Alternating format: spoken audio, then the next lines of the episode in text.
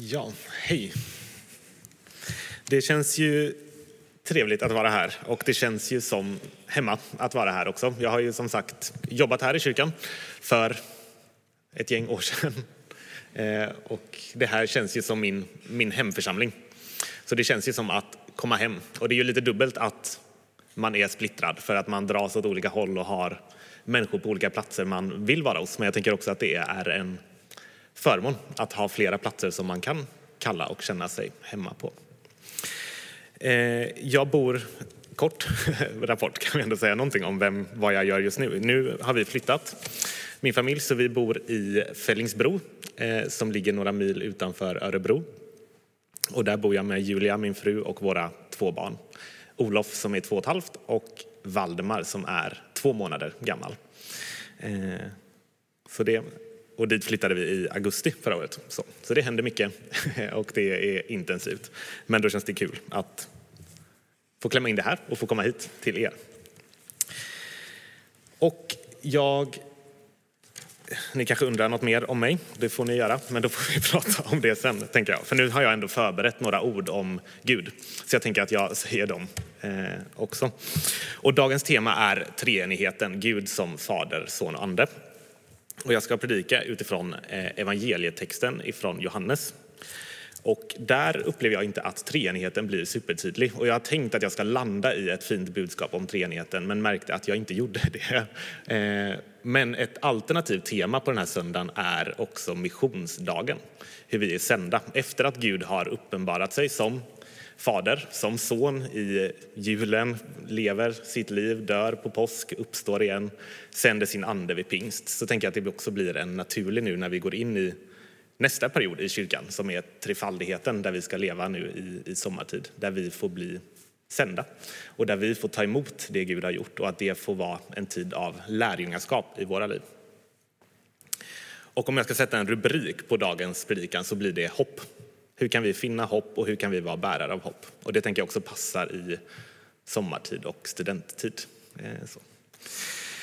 Och vi ska läsa en text från Johannes eh, 11 och bakgrunden till den här texten är att ja, men Jesus har i kapitlet innan varit i Jerusalem. Han har helat en blind man som har fått synen tillbaka.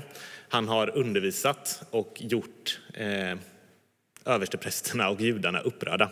Så han är nära på att bli stenad till döds, men flyr eh, därifrån tillsammans med sina lärjungar. Och så får han nu ett besked om att en nära vän eh, till honom, Lazarus, som är bror till Marta och Maria, är sjuk i Betania som är grannstaden till Jerusalem som han nyss har flytt ifrån. Då. Och han går inte direkt dit, eh, utan han säger att den här sjukdomen ska inte leda till döden utan till att Guds härlighet ska få uppenbaras. Eh, så han väntar lite, två dagar, innan han beger sig till Betania. Och då kommer vi in där och jag läser versen innan också här, vers 17. När Jesus kom till Betania fann han att Lazarus redan hade legat fyra dagar i graven. Betania låg inte långt från Jerusalem, ungefär en halvtimmes väg. Och många judar hade kommit ut till Marta och Maria för att trösta dem i sorgen över brodern.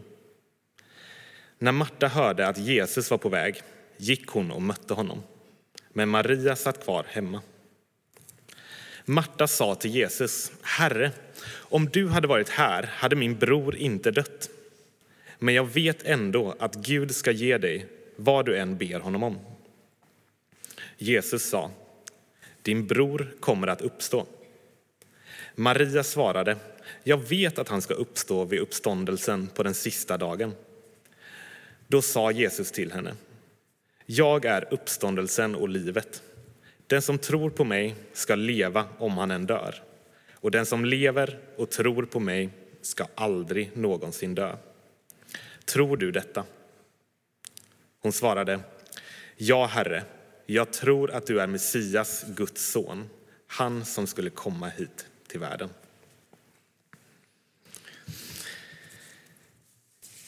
Ja, vad säger den här texten oss och vad säger den om hopp? Och det första eh, tänker jag är att Jesus hade kunnat hela Lazarus eh, på avstånd. Det här är ett av de här tecknen och under som Johannes beskriver för att beskriva om vem, vem Jesus är och vad han har för uppdrag här i världen. Och innan, eh, i början av Johannes evangeliet så har han helat en ämbetsmans son eh, utan att vara på plats. Och jag tänker att det visar någonting på Guds kraft, att han behöver inte vara fysiskt närvarande. Men i det här fallet så vill Jesus vara fysiskt närvarande. Och det handlar inte om att det är det han behöver göra för att kunna hela Lazarus. Utan han vill vara nära oss. Han vill vara en närvarande Gud och vill möta oss där vi är. I vår sorg, i vår smärta, i vår glädje, i våra tårar, i vår död, i vår smärta. Så kommer han och vill vara med oss. Och han gör det trots att det innebär en risk för honom. I den här texten så går han tillbaka till Betania där han nyligen har varit på väg att bli stenad till döds. Och en av lärjungarna som går med Jesus tillbaka till Betania säger att ja, när de ska gå, gå, tillbaka in i Betania så säger han ja, låt oss gå med honom för att dö.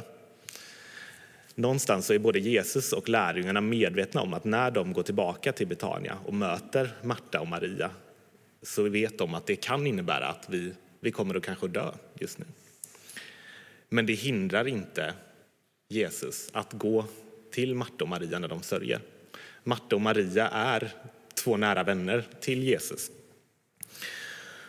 Och det tänker jag säger någonting viktigt också om, om vem Gud är och det säger också någonting viktigt om hur, hur vi kan få upptäcka och hitta ett hopp i våra liv. Att det är inte ensamma vi behöver göra det, utan hoppet uppstår i, i en gemenskap. Eh, och den gemenskapen kan vi alltid finna hos Jesus. Det står, eller jag läser ett citat här från en, en, ja, en psykolog, tror jag han är.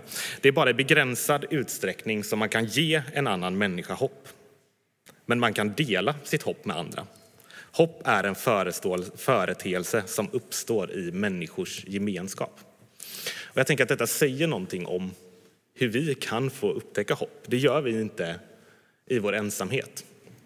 Och jag tänker när vi har sörjt, när vi har mött svåra tider i våra liv, så tänker jag att det vi minns tillbaka till är de, de människorna som var där, som delade den stunden med oss. Kanske inte sa det rätta, kanske inte predikade med ord, men med sin handling genom att vara där. Och det den här texten säger är att Jesus är en sån som vill vara där, som vill möta oss och vara närvarande med oss i glädje och i sorg. Och i det mötet så kan vi också få återuppväcka och upptäcka vårt hopp.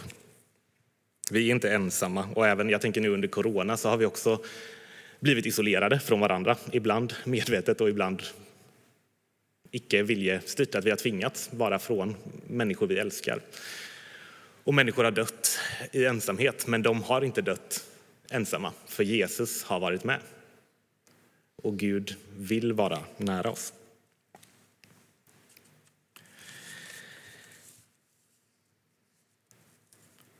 Så vi kan finna hopp i gemenskapen med Gud. Den andra poängen är när Jesus kommer till Betania så är Lazarus död. Och det står att eh, han hade legat fyra dagar i graven. Och om man då ser på judisk tradition så fanns det en uppfattning eller en tanke om att eh, efter att en person hade dött så fanns själen kvar och svävade runt kroppen under tre dagar. Och sen på den fjärde dagen så lämnade själen kroppen. Och jag tänker att det säger någonting i den här texten, för Jesus han väntade två dagar innan han begav sig till systrarna och Betania. Och han kommer fram fyra dagar för sent. Och jag tänker att det säger någonting. Att dels hade han gått direkt så hade Lazarus varit död ändå. Så Lazarus hade dött. Men han väljer då att vänta de här två dagarna extra för att hoppet ska vara ute, att han ska vara helt död. Själen ska ha lämnat Lazarus. Och det står sen när, när de kommer till graven att kroppen har redan börjat ruttna. Och vi kanske har frågor att varför, varför dröjer Jesus eller varför varför är det så här? Men jag tror att det också finns en poäng i det, att det är en bild av att ingenting är omöjligt för Gud. Även om Lazarus är helt död så finns det ett hopp. Ingenting är omöjligt för Gud. Och jag tänker att när vi... Ja, men det händer ju i våra liv, att våra liv skakar till. Det som vi tror är fast mark under våra fötter, det skakar. Eh, vi drabbas av, av död, av sorg, av smärta. Vi förlorar saker som är viktiga för oss i arbete, i drömmar, i vänner, i relationer eller kärlek. Och att inget av det är hopplöst. Det kan, finnas, det kan kännas hopplöst, det kan verka hopplöst, men det finns hopp. När vi känner oss otillräckliga, när vi inte räcker till, så finns det ändå ett hopp. Och när nu Jesus kommer hit, vi läser inte om Lazarus uppståndelse i den här texten, men nu spoilar jag det, att Lazarus uppstår igen. Och jag tänker det är inte det som är i centrum i, i dagens predikan, men vetskapen om det är ändå central, att Lazarus uppstår. Och det tänker jag också säger någonting om oss. Att om, om Gud kan få en ruttnande kropp att börja leva igen så kan han också få våra liv att spira och leva igen.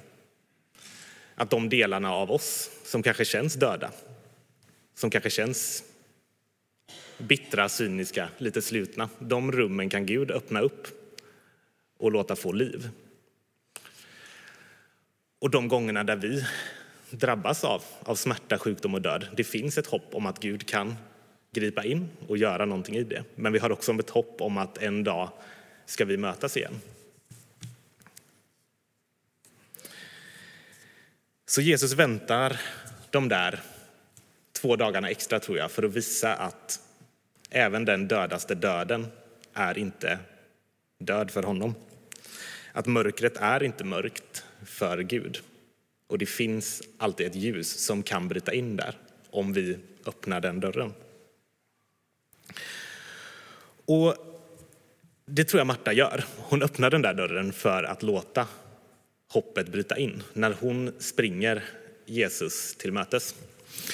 Och det tänker jag också, där var det tradition under den här tiden att sitta i sitt hem och ta emot gäster som vad säger man, beklagar sin sorg, som frambär sina kondolenser till Marta och Maria. Eh, och det är det traditionen säger, att de ska sitta där och, och ta emot gästerna och ta emot det i sin sorg och sin smärta. Men Marta, det märker vi kanske redan i, när vi har läst om Marta och Maria när hon bjuder hem Jesus och när hon står där och städar. Hon är kanske en lite mer intensiv, lite mer impulsiv person och det kanske vi märker här också. Att hon, hon sitter inte och väntar på att Jesus ska komma hem till henne utan hon hoppar upp och springer Jesus till mötes. Och konfronterar honom, tänker jag, är det hon gör. Att hon möter honom och konfronterar honom med orden Herre, om du hade varit här hade min bror inte dött. Jag tänker att hon är... Det finns en tro i de orden, men det finns också en smärta och en anklagelse och en förebråelse i de orden. Att om du hade varit här så hade han inte dött. Och det tänker jag att jag kan känna igen i mitt liv, att vi kan ibland fundera, men varför händer det här? Varför låter du det här ske? Om du hade varit här hade det inte hänt. Eller varför drabbas vi av det här? Och det kommer vi inte vi få, få våra svar på. Inte på alla de frågorna i vårt liv här och nu. Men jag tror det är viktigt att vi kommer med de förebråelserna och konfronterar Gud med dem. Vi får konfrontera Gud med våra frågor. Och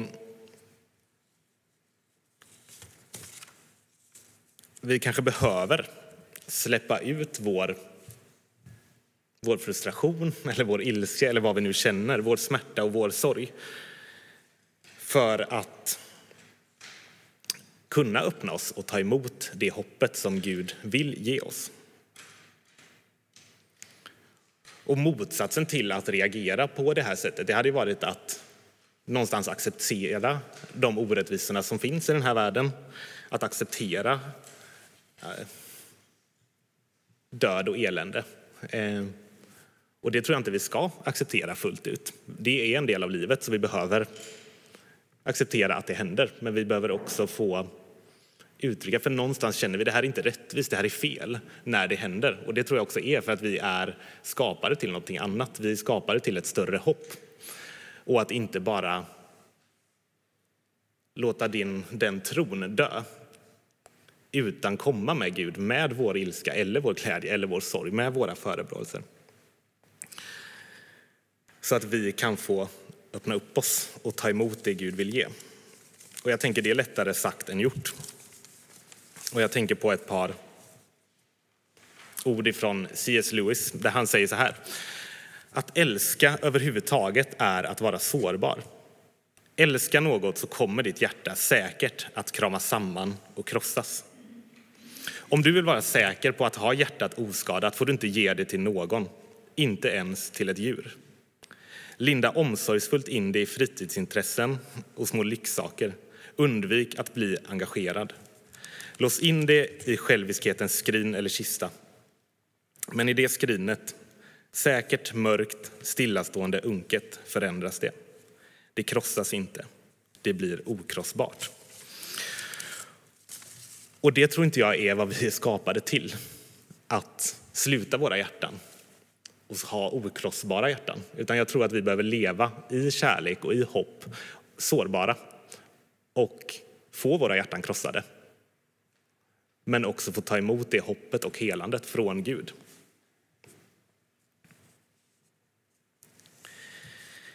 Det Marta säger är... Ja, vad säger hon? Det ska jag hitta orden. Herre, om du hade varit här hade min bror inte dött. Och jag tänker att det är ord vi kan känna igen oss i och som jag kan känna igen mig i. Men jag tror också att det är, och det är ord av tro, för hon har en tro på att Gud kan stoppa eländet och det tror jag att han kan göra. Men jag tror också att det är en för liten tro. Att Gud och Jesus inte bara är sänd hit till världen för att bromsa och stoppa ondskan som sker, utan för någonting större. Och jag är ju småbarnsförälder. Vi har en Olof som är två och ett halvt år och han gillar ju att plocka och med grejer. Eh, och särskilt våra köksredskap. De kommer ut, det kommer ut bunkar, decilitermått, eh, leksaker. Allting ska packas i olika ställen och läggas på olika platser. Och där har jag ett evighetsjobb att, att plocka tillbaka. Och så lägger man tillbaka bunkarna, ställer in dem i skåpet och så vänder man sig om och så fem minuter senare så ligger bunkarna ute någon helt annanstans. Eh, så. Och det är ju härligt, men det är också ett, eh, lite frustrerande ibland när man kanske behöver en bunke. Men jag tänker att det här också säger någonting om, där blir jag någon typ av städgumma som går runt och plockar och hela tiden försöker bromsa eh, kaoset. Eh, och det, kanske Gud, det tror jag Gud gör, att han vill ibland gripa in och bromsa det kaoset som sker i världen. Men jag tror också att han kallar oss till någonting större. Att det hoppet som han har är också ett, ett större hopp än att bara bromsa. Stopp, det där döden ska inte ske, det kriget ska inte ske, det här smärtan ska inte ske. Utan han vill också öppna upp vägen till, till någonting nytt.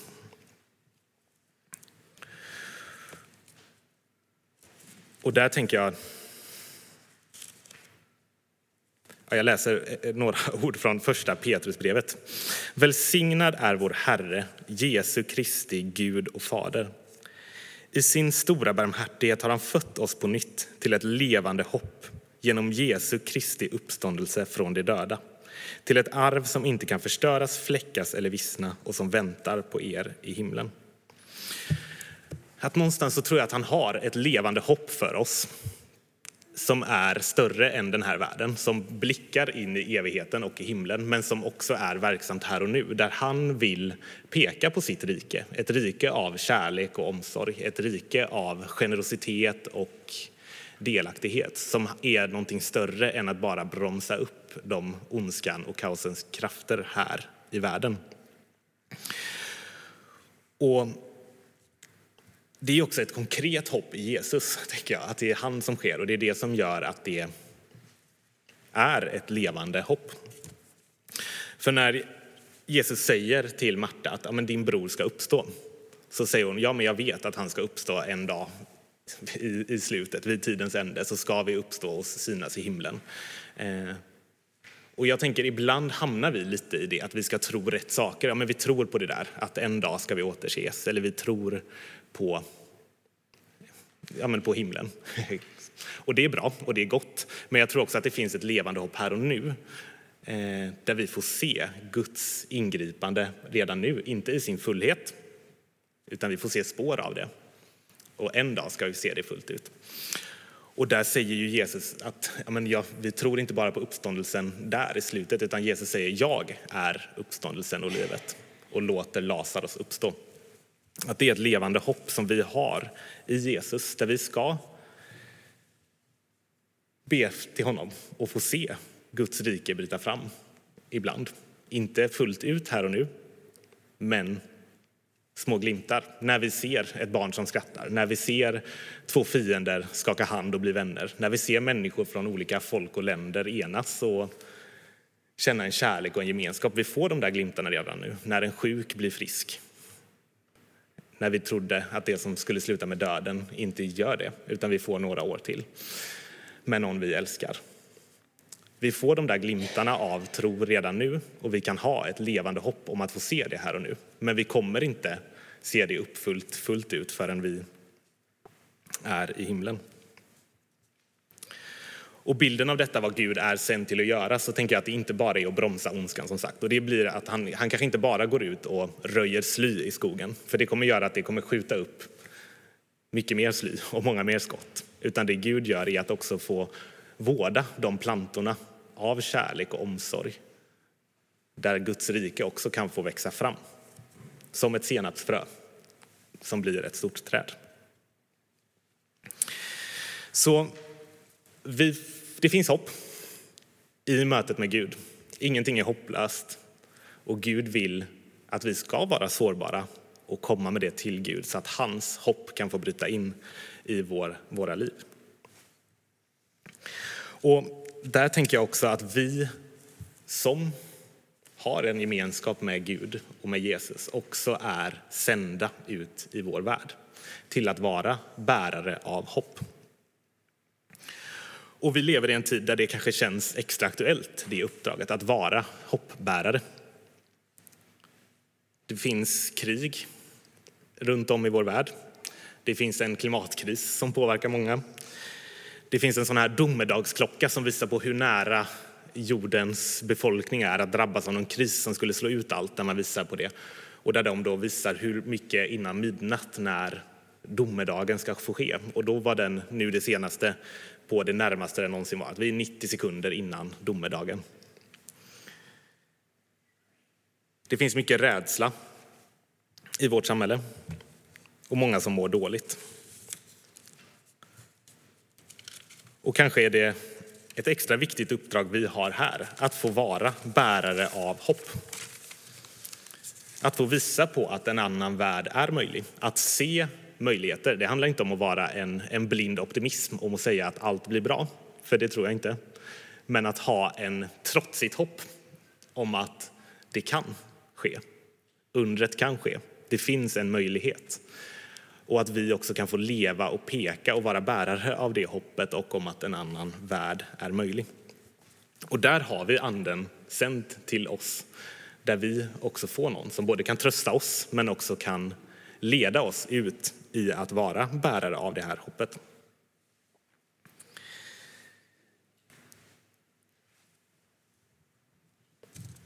Och där skulle jag vilja dela några ord av Augustinus som säger något om hoppet. Och där säger han så här, att störst av den är hoppet. Och hoppet har två vackra döttrar i världen. Vrede och mod. Vrede, så att det som inte bör ske inte sker. Och mod, så att det som kan ske blir verklighet. Här tänker jag att vi är sända ut att vara bärare av hopp och av en helig vrede mot det som är fel i vår värld. Också ett heligt mod att göra verklighet av det riket som Gud har sänt oss att vara ambassadörer för. Och det är ett trotsigt hopp. Och jag tänker på Luther som säger att även om världen skulle gå under imorgon så planterar jag ett träd idag. Vi vet inte, vi kommer inte se allt vårt hopp uppfyllt här och nu, men vi kan ändå leva som om att det gör det och plantera träd idag genom att visa omsorg, genom att visa kärlek, genom att gå över gränser. Och där tänker jag vårt uppdrag är att göra det, att bevara och sprida det hoppet. Mörkret är inte mörkt för Gud. Det finns alltid hopp. Och här blir Jesu ord där han säger att, att det är han som är uppståndelsen och livet. Och Marta svarar att Amen, Ja, Herre, jag tror att du är Messias, Guds son, han som skulle komma hit till världen. Där tror hon redan innan hon har fått se sitt hopp uppfyllt, för hon får göra mötet med Jesus där hon får dela gemenskapen med honom. Hon får vara sårbar inför honom och uttrycka sin sorg och smärta, men hon vågar också öppna sig för det Guds hopp som Jesus vill ge till oss. Och ibland så säger vi att ja, men vi säger att hoppet är det sista som överger människan. Och vi säger att så länge det finns liv så finns det hopp. Men vad gör vi då om hoppet tar slut? För det är inte alltid vi känner hopp. Och där tänker jag att Gud kanske vill säga något annat och vända på det och säga så länge det finns hopp så finns det liv. Och det finns hopp i Jesus.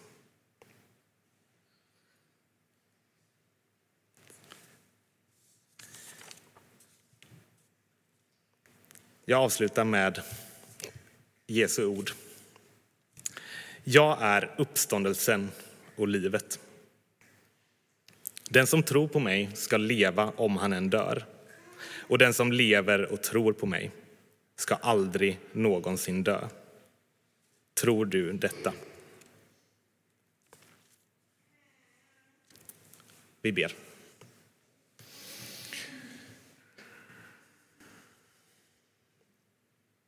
Jesus, tack att du vill möta oss var och en där vi är.